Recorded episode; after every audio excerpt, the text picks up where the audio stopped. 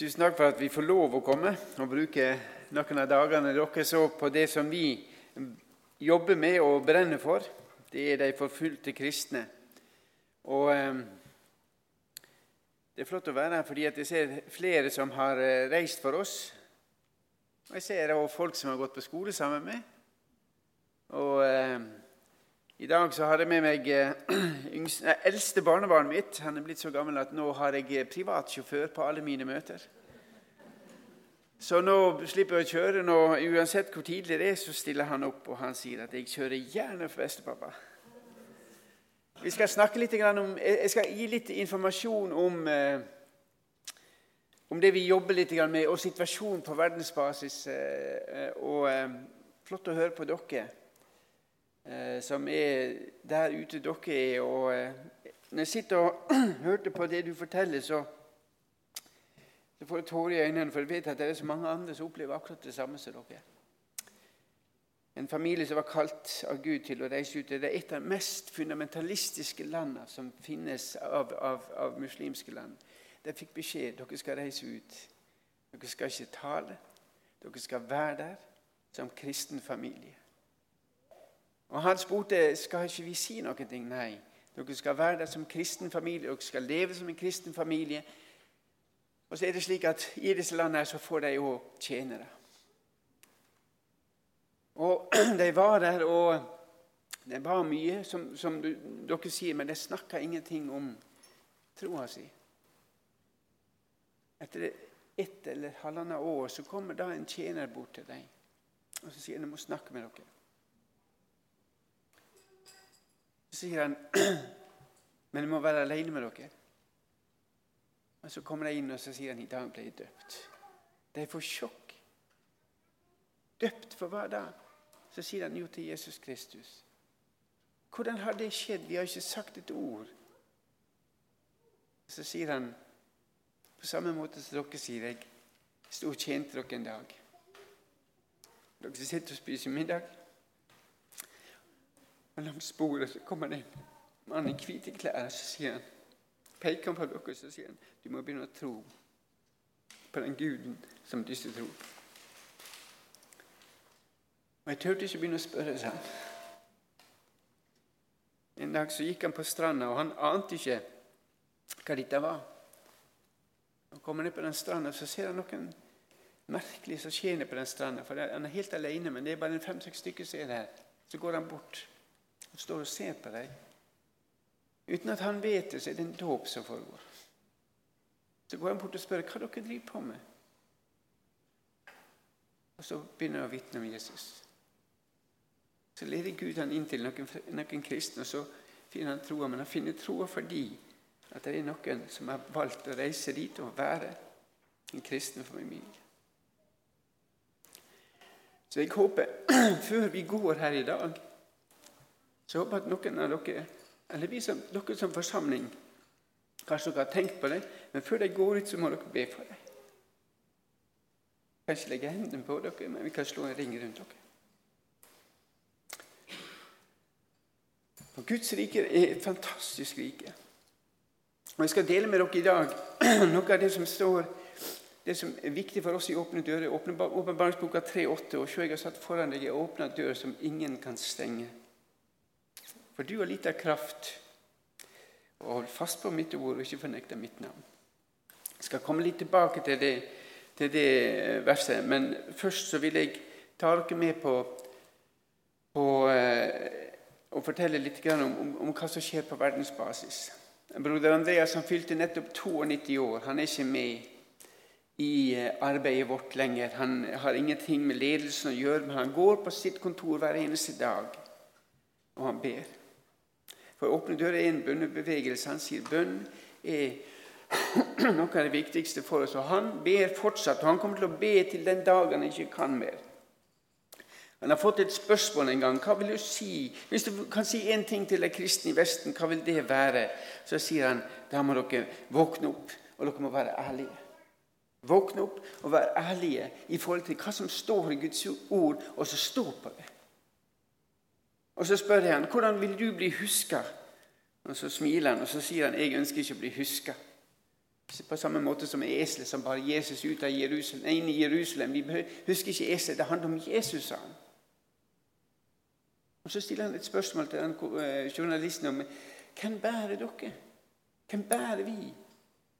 Vi har fått et oppdrag om å bære de som trenger å bli løfta frem, og de som trenger å bli båret. Og nå På vei utover her så fikk jeg en, en, en, en SMS eller en, melding fra WhatsApp. Hvordan har du det? Det er en melding fra Sørvest-Asia av folk som jeg vet har det kjempetøft. Men jeg ring, sender en melding og så spør jeg, Ole, hvordan har du det. Jeg vet, Og de sier de har det kjempetøft, men Gud har forberedt oss på det som skjer nå. Vi fikk skylda for koronaen her nede, men vi var forberedt, for Gud hadde advart oss. Det kommer til å komme vanskelig, vanskelig tid. Og når det kom, så sto vi klar. Og dere, det handler, Og for deg og for Hanna, som jeg snakker om nå, det handler om én ting, og det er at Jesus er viktig. Det er ikke vi som er viktige. Det handler ikke om oss, men det handler om Jesus. Og broder Andreas, som dere ser på, det, på, på ene sida her, på høyre side Da jeg traff ham første gang, så var han ung, og han sa noe angående det å, å, å bli kalt. Han sa det at God does not call those who are qualified. He qualifies those he calls. Altså Gud kaller ikke de som er kvalifisert. Han kvalifiserer de han kaller. Gud han trenger noen som sier 'ja, jeg vil gå'.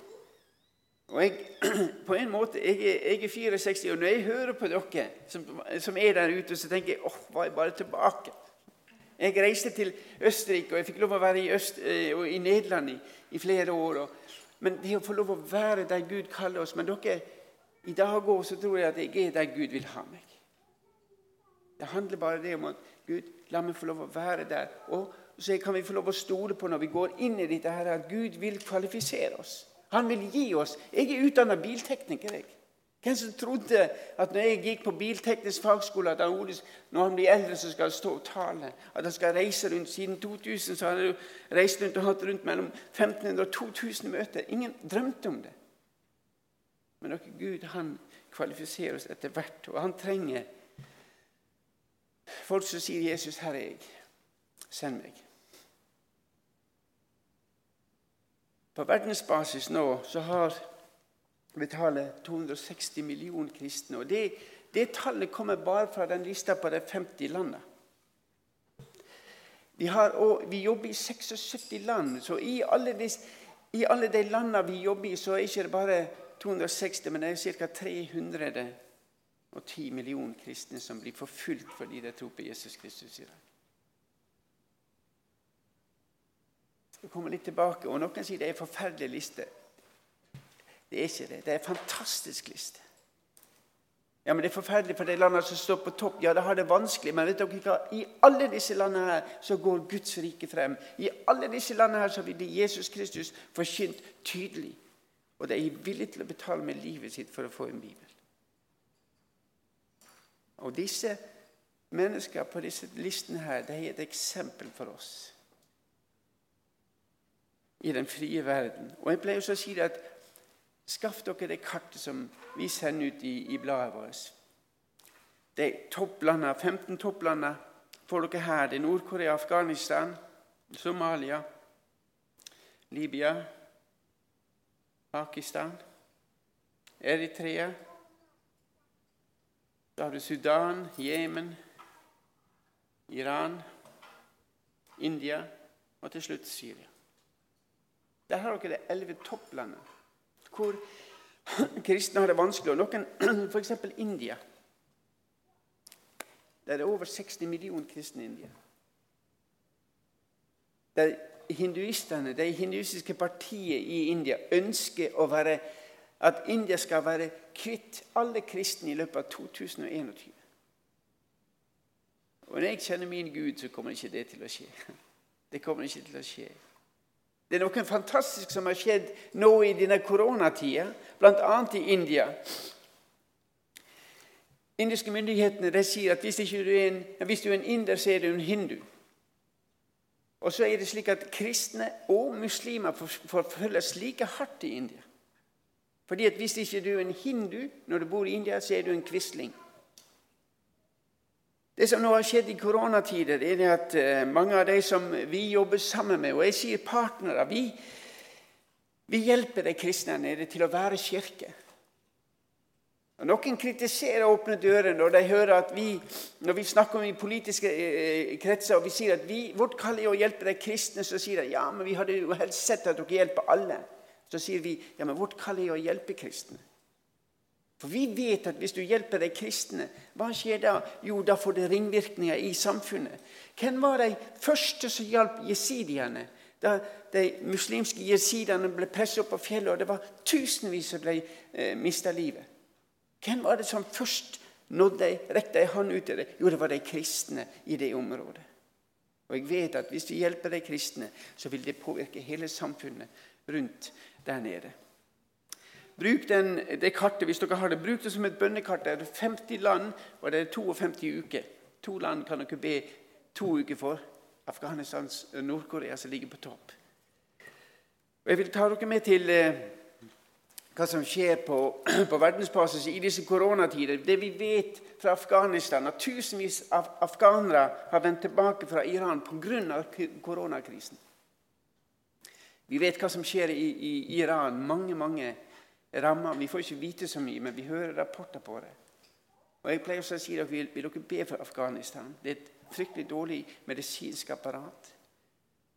Be om at de må bli spart fra det vi opplever her. India. Kristne får ikke hjelp av myndighetene. De kristne er ofte de lavest i samfunnet, laveste kastene, og de har de laveste jobbene. De selger varene sine på, på, på, eh, på, markedet. Og Det betyr at når koronaen er, så får de ikke solgt, og de får ingen inntekter.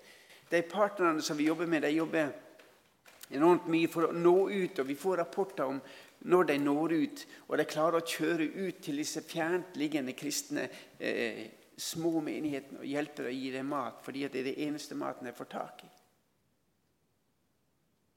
Og Det fantastiske er at det vi fikk høre nå fra India, var det at myndighetene har tatt kontakt med den katolske kirke og så sier de, vi trenger hjelp av dere. Kan dere hjelpe oss å få mat ut? Det er første gangen myndighetene har spurt eh, kirka om hjelp. Og jeg vet ikke. Kanskje det snur. Vi, vi, vi, vet ikke hva Gud bruker, men be for de kristne. At de tør å stå frem. At de er med å bygge India og lar myndighetene få lov å se det.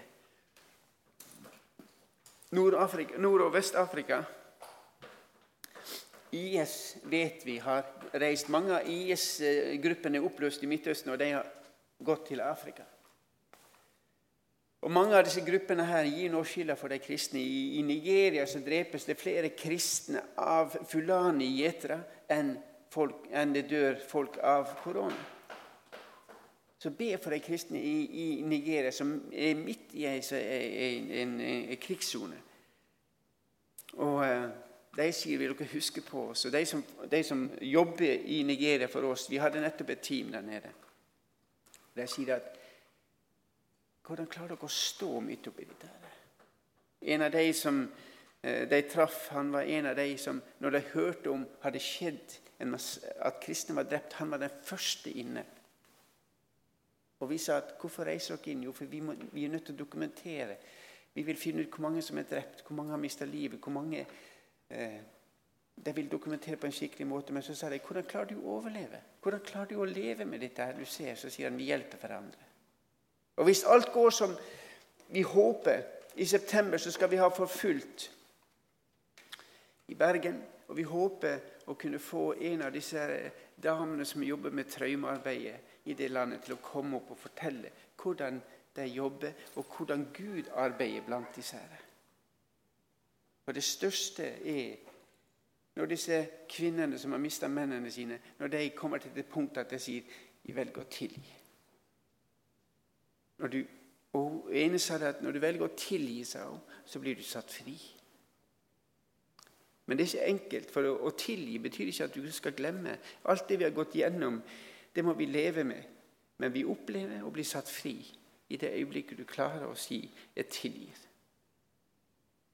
Corrie ten Boom bare dele litt med om henne. Jeg så et Hvis dere går på YouTube og søker på Corrie ten Boom, så finner dere den filmen der hun forteller da hun treffer denne fangevokteren fra Ravnsbrück, som kommer opp til henne etter møtet og så sier han at jeg er blitt en kristen. Jeg har fått tilgivelse av Gud, men jeg trenger at du òg tilgir meg. Og hun, og hun sier jeg var så sint, sa Jeg var så sint at jeg, sa til Gud jeg klarer ikke å tilgi ham. Og Da oppdager hun det hun ber i, i Fader vår sitt, at forlat oss vår skyld slik vi òg forlater våre skyldnere. Og så oppdager jeg sier hun, at jeg var på feil side. Jeg, klarer, jeg ikke å tilgi ham. Dermed er jeg på feil side, for da kan ikke Gud tilgi meg. Det er det vi ber i Fader vår. Du må tilgi oss på samme måte som vi tilgir deg. Og Hun sa at jeg var på feil side. Og jeg sa det til Gud. Jeg klarer ikke. Og så sier Gud til henne Er du villig til å gi en hånda? Og så sa hun det kunne jeg gjøre. Så jeg ga han hånda, og i det øyeblikket fikk jeg tilgivelsens gave. sa hun.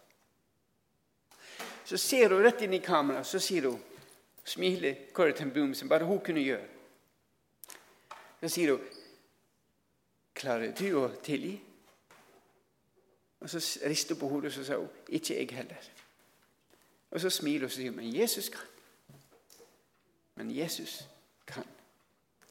Og jeg tror som kristne Hvor går vi med våre problem?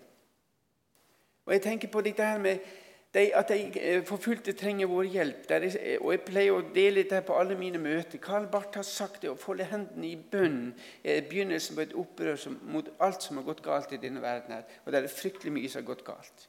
Det gikk galt allerede i begynnelsen i Edens hage. Men som kristne så aksepterer vi ikke situasjonen. Vi aksepterer ikke det som skjer i Nord-Korea, vi aksepterer ikke det som skjer i India eller Afghanistan. Vi sier 'Gud, dette må du ta deg av'. Vi løfter opp et høyere plan, og så sier vi 'Gud, dette gir vi over til deg'. Philip Jansi han har sagt at bønn er den handlinga som får oss til å se virkeligheten fra Guds ståsted. Og Noen sier til oss i Åpne dører hvordan klarer dere det? Dere blir dere ikke deprimerte? For jeg har opplevd at folk vil komme og be for oss, for dere må jo være veldig deprimerte. Så mye vondt som dere hører. Og jeg sier det er ikke sant fordi vi ser Guds rike. Vi får lov å se det med andre øyne. Vi får lov å se det med hans øyne. At egentlig den lista med 50 land er ikke en forferdelig liste, det er en fantastisk liste. For Guds rike blir forkynt der. Og der er en pris til det. Og dere, vi tenker ofte til at disse forfulgte de trenger Jesus mer fordi de har en større fiende. Vi har samme fienden. Det som du, Dere sier vitnesbyrdet her i stad, dere har en, en, en, svart figur som er over huset deres. Jeg satt og tenkte på vi som bor, Dere som bor på Vigestad, jeg som bor i Stavanger, og dere som bor der. Vi har samme fienden. Vi har ikke en kamp mot kjøtt og blod, men vi har en kamp mot makter, mot åndskrefter. Og dere, Vi har en livsfarlig fiende. Vi vi, vi er så avhengige av Jesus. Vi er like avhengige av deg, fordi at den fienden som vi har Han opererer på samme måte som han gjorde i Edens hage. Han kommer med forførelsen. Har Gud virkelig sagt? Og så stiller han spørsmål ved Guds ord.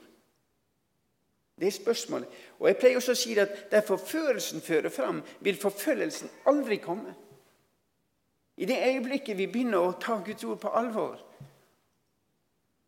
alle som vil leve et gudfryktig liv i Kristus Jesus, kommer til å oppleve forfølgelse, står det i 2. Timotius 3,12. Dere, Vi har en livsfarlig fiende, og forførelsen er mye farligere enn forfølgelsen. Dere, vi, vi trenger virkelig å holde oss inn til Guds hjerte. Og Nå er det ferdig med informasjon om åpne dører. Nå begynner talen. Det var en halvtime, var det det du sa? det? Nei. Men jeg skal ta dere med til var, Vi hadde besøk av broder Michael, en god venn av meg, og oss som jobber i Åpne dører.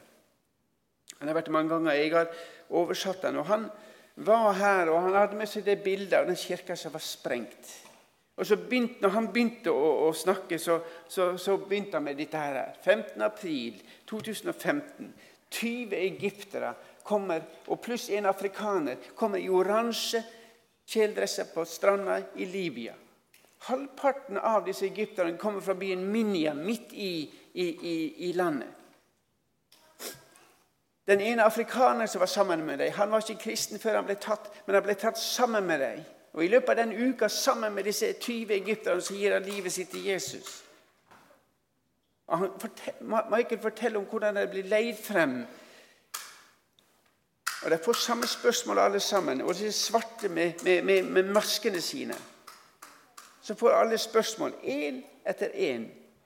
Hvis du vil si frem El Shaddai, altså den eh, muslimske trosbekjennelsen, og fornekte Jesus Kristus, så skal du få leve. Hvis ikke, så, så, så, hogger vi hodet av deg. Og én og én velger Jesus. Så kommer det helt til, til denne afrikaneren. Så stiller jeg han samme spørsmål. Så sier han jeg velger Jesus. sier Halvparten av disse som ikke gir livet sitt for Jesus der, det kom fra Minya. Og disse ektefellene, altså kvinnene som mister mannen, og disse barna som mister far, de blir tatt frem på TV, og de står frem og så sier de 'vi tilgir'. Neste historie St. Mark-katedralen i Kairo, 27 drept. Michael forteller litt om rundt disse her som mister sine.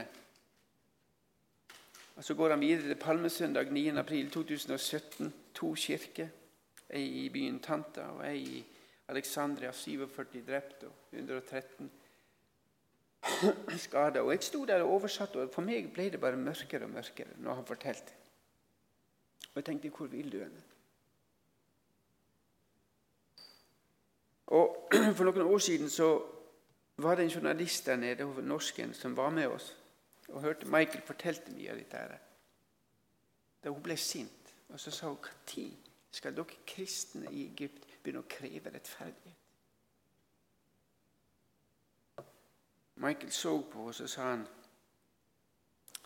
disse ordene her at tida er ikke inne for å Nei, tida er inne for å vise kjærlighet, ikke kreve rettferdighet. Hadde vi krevd rettferdighet, så hadde det vært borgerkrig i Egypt i dag. Vi er 16 millioner kristne.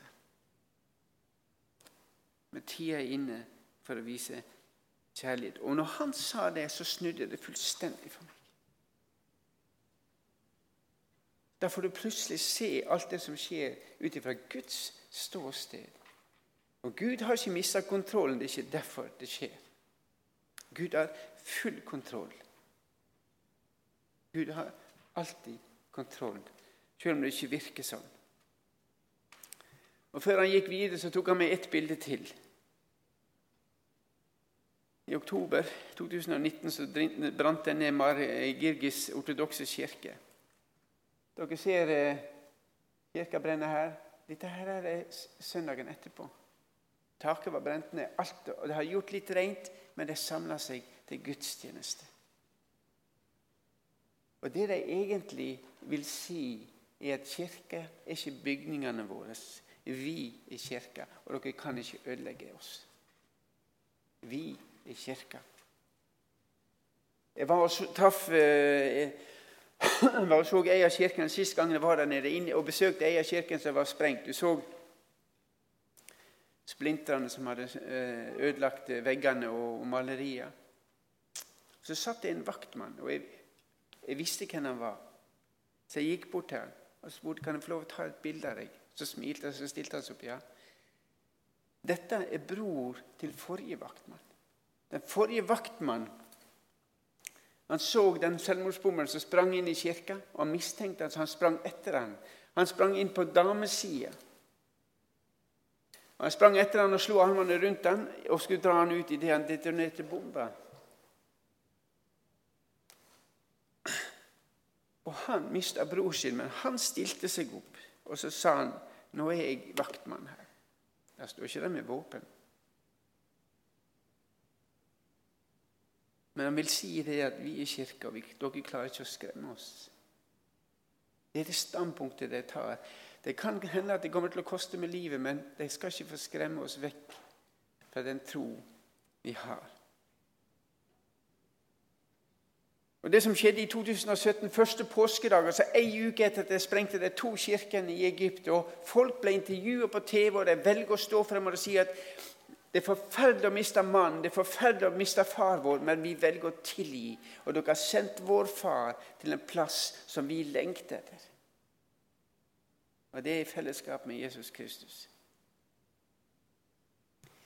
Ei uke etterpå den bomba gikk, første påskedag Og Første påskedag er en fridag i Egypt. Det er et muslimsk land, men Egypt har vært et ortodoks land i mange år. Så at første påskedag og påskedagen har de fri, alle sammen i Egypt. Han her, her er den mest kjente TV-verten i Egypt på kanal nummer én. Han kalte inn to led, kristne ledere. En ortodoks leder og pastor Samer, som er leder i, i Kasser Eldobara-kirka, som har 10 000 medlemmer. Den største evangeliske menigheten i, i Midtøsten. De har tre gudstjenester hver søndag, og det strimer ut gudstjenesten over hele Egypt. Disse to har kommet på statskanalen i Egypt. De får tre spørsmål. Hva betyr Jesu kors? Hva betyr det at Jesus døde på korset, og hvordan kan dere klare å tilgi? I to timer blir evangeliet forkynt på Statskanalen, der millioner av mennesker sitter og ser på. Michael sa det at hadde vi betalt med millioner av dollar, så hadde vi aldri fått lov å sette opp et TV-program sånn som dette for å vitne om Jesus. Aldri. Og Det hadde skjedd noe tidligere, noen år før, så var det en egyptisk forfatter som òg valgte og, så at de kristne tilga. Og han fikk lov å i en av de største avisene i Egypt, lørdagsutgaven, der millioner leser, så fikk han lov å skrive om kjærlighet i Bibelen. Han valgte ut 50 bibelvers, og han trykte de bibelversene på den avisa. Og millioner mennesker leser det. Og når jeg hørte dette, og det sier egypterne sier at ja, om vi hadde betalt 10 millioner, så hadde vi aldri fått ei side i denne avisa for å reklamere om vår tro. Aldri i verden. Og når han, Michael sto og fortalte dette, her, så kom, kom jeg på verset, åpenbaringsboka 3,8. Og se, jeg har satt foran deg en åpna dør som ingen kan stenge. Og Vi snakker veldig mye om det. Vi snakker sånn at Gud kan åpne dører for oss, og det er fantastisk Gud vi har. Ja, men, Og det gikk opp for meg det siste del av det verset.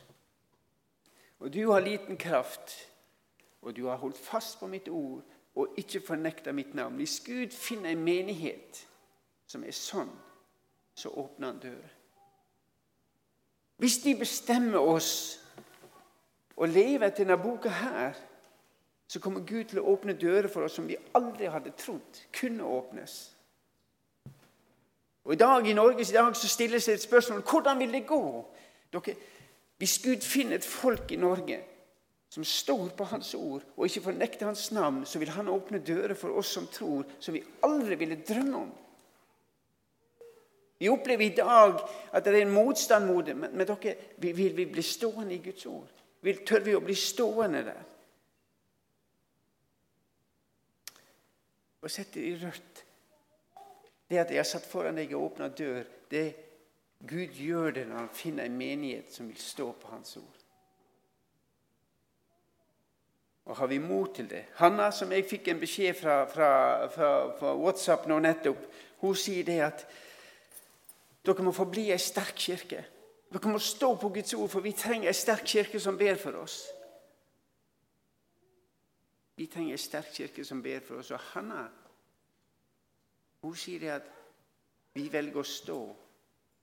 Hvis vi velger å stå på Guds ord, da må dere gjøre det òg. Og vi erfarer det, det holder. Det holder.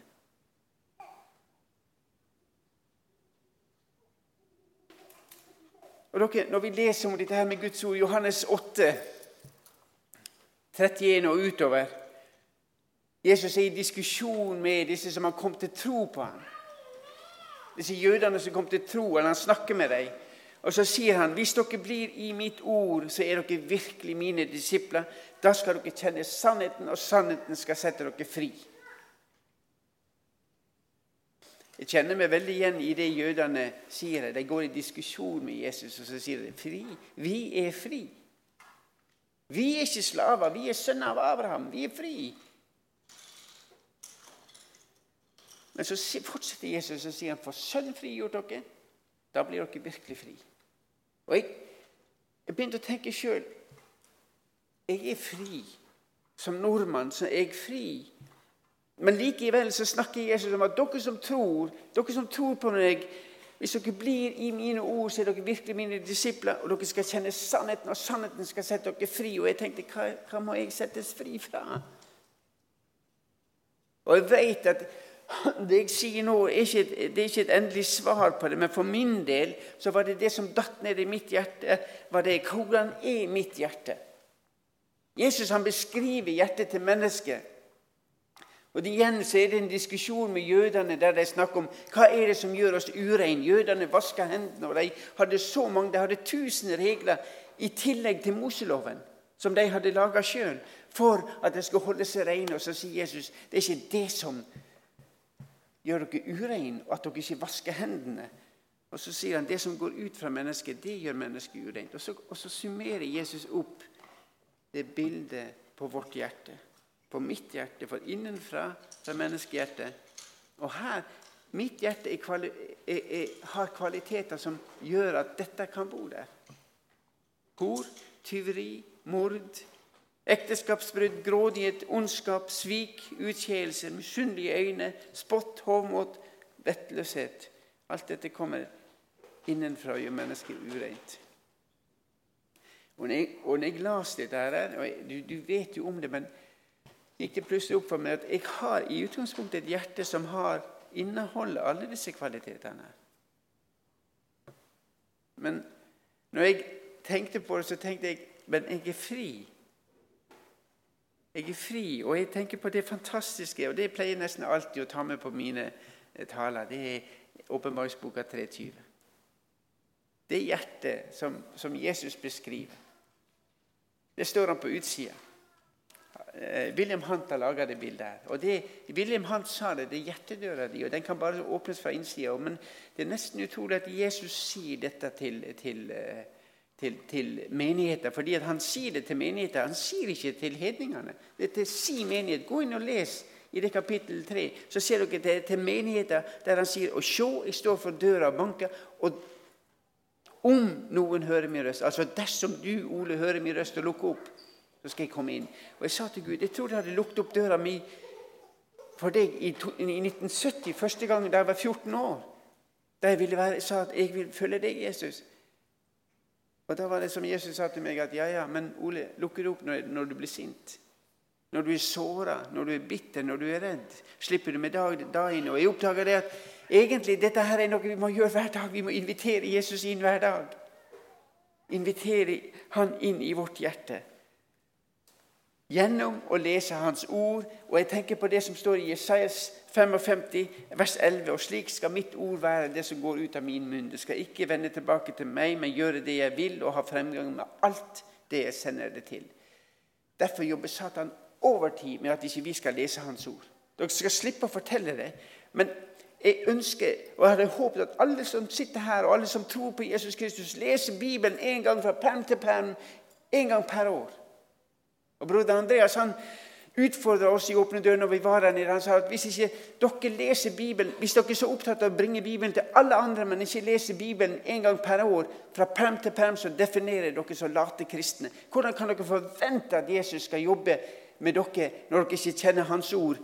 Og Den hellige ånd, Guds ord er Den hellige ånds redskap, og Åndens sverd er Guds ord. Hvis dere vil at Den hellige ånd skal jobbe livet deres, så må dere lese i Guds ord. Og Satan jobber overtid på at vi ikke skal gjøre det. Leser du 15 minutter hver dag, så leser du Bibelen fra perm til perm et, på ett år. Og Det fantastiske det løftet Gud har sagt, at istedenfor tonekratt skal det vokse opp sypresser. Istedenfor nesle skal det vokse opp myrt. Mitt liv er det tonekratt. Men Gud kan forvandle det gjennom sitt ord. Til sypress og Da blir det altså, sypress til glede for alle som ser det. En tonekratt vil ødelegge folk. I Afrika, hvis du går gjennom en tonekratt, så vet du ikke om du kan overleve det. Men hvis du kommer til en sypress Det er ikke bare en blomst, potteblomst, sånn som i Norge. Men der er det et stort tre. Og folk sier 'Å, fantastisk'. Og dere, Gud ønsker at vårt liv, vårt liv, ikke alltid vårt ord, men vårt liv, skal tale mer.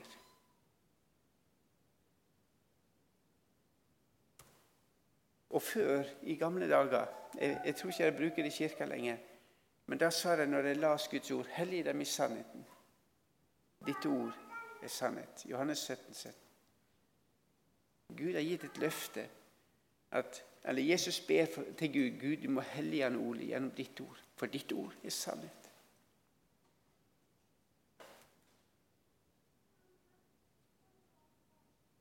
Og det som jeg lærte av Michael Hvis du velger tilgivelsen, så velger du det som Gud anbefaler. Og Det gjør òg at Gud kan iverksette ting som ikke du hadde drømt om. Og Gud trenger ei lydig menighet, ei lydig menighet som tør å stå på Hans ord, som tør å velge tilgivelsen når vi ønsker noe annet. Og Jeg snakka med en egypter. Jeg sa hvordan klarer dere å gjøre det? Og Så så han på meg, og så smilte han og sa han, du spør feil. Guds ord anbefaler oss å gjøre det. Gud anbefaler, og vi velger å stå på Hans ord. Den lista som vi har, er det ei dyster liste? Nei, som jeg sa, Guds rike går frem i disse. Det er en fantastisk liste. Guds rike blir forkynt i disse landene. her. Og vi kunne fått slutt på forfølgelsen for lenge siden hvis de kristne hadde slutta å snakke om Jesus. Men det er ikke aktuelt for de kristne. De sier vi kommer aldri til å slutte å snakke om Jesus. Og Det vi også ser i Åpne dører, det er at arbeidet vil vokse. Og vi trenger flere forbedrere. Vi trenger folk som er, som er med og ber for, dette, for disse forfulgte kristne. Gud har vært utrolig trofast. Det arbeidet å åpne dører har fått lov å vokse fra, fra ingenting til i, i, Norge. Jeg fikk lov å være med å starte å åpne dører, og så ser jeg hvordan det vokser. Og det begynte med én mann som var villig til å si ja. Og så har det vokst til det det ble. Og Broder Andreas han sa det at jeg hadde aldri turt å starte Open Doors hvis jeg visste at det ville bli så stort. Men Gud er nådig. Han har latt det ta steg for steg. Det er spennende å gå sammen med Gud. Og de, Jeg vet at det er mange som har bladet, men hvis det er noen som ikke har bladet, så kan dere sende en SMS til 2160, og så skriver dere bønn. Da vil dere begynne å få bladet tilsendt. Og eh, det fantastiske er at mange ber. Jeg husker det var en gammel dame som ringte meg for eh, noen måneder siden. og Så sa hun det at ja, jeg har så mange misjoner å, å, å, gi til. Jeg har ikke mer penger, så jeg må, jeg må slutte. Så. Og må, dere må slutte å sende blad til meg. Jeg har ikke råd å gi dere penger. Da sier jeg til henne men du, bruker du bønnekalenderen. Ja, ja, jeg bruker den. Den bruker jeg hver dag. Ja, men vet du hva, sier jeg. Du, du, skal slippe å gi penger. Det er ikke derfor vi sender bladet til deg. Hvis du bruker bønnekalenderen, vær så snill og fortsett. Ja, men jeg må jo, det koster. Vi, leter etter forbedre. Hvis du vil være med, vær så snill å beholde det. Og når du får den fakturaen, så kan du bare glemme den, men ta vare på bønnekalenderen. Hvis jeg kan det, så skal jeg beholde den, sa hun. Ja, flott, sa jeg. Jeg takker deg, Herre Jesus, for at vi har full frihet. Men takk, Jesus, la ikke friheten være ei hvilepute for oss, men la friheten få lov å skape lovsang. Og la friheten få lov å skaper lyst til å gjøre mer for deg. Jeg takker Herre Far i disse koronatider at vi kan få lov å legge det frem for deg. Eh, du ser at mange flere enn det vi hadde trodd, har fått lov å høre evangeliet fordi at de kan skru på TV-en, de kan skru på eh, nettsida eh, til en eller annen organisasjon. Og vi ber Gud, la ditt rike gå frem i Norge. La, på grunn av koronakrisen, la det være mange som kommer til tro på deg, Jesus. Og så ber vi òg når vi skal starte opp igjen, vil du gi oss en frimodighet, far. Vi takker deg, far, for at vi kan få lov å be for de som blir forfulgt. Vil du holde dine velsigna, gode hender over deg. Takk for at du har ikke glemt det. Du vet om det. Du kjenner det så godt at du har telt hvert hår på hodet deres. Velsign du Hanna, Lydia og Mark og Assad som er i Sørvest-Asia. Takk, Herre Far, at det er så mange andre som er der. Takk at du vet om hver enkelt av dem. Vi ber for India, vi ber for Nord-Korea, vi ber for Afghanistan. Herre Far, du ser disse, det som skjer nå. Vi ber for teamet vårt som jobber rundt forbi, og gir dem, gir dem en mulighet til å kunne nå ut til de som trenger hjelp. Jesus. Vi løfter opp fremfor deg og ber Gud, ser du i nåde til ditt folk. Og vi ber om at gi ditt folk en motfar, slik at det kan nå ut, slik at vi kan få være med og robbe Guds himmelen, robbe eh, Satans rike og få lov å få mange mange med oss til himmelen, far. Og La det òg bli slik i Norge. Gi det oss frimodighet til å være modige til å tørre å fortelle at vi tror på deg, Jesus, og at vi kan få med oss mange. I Jesu gode navn. Amen.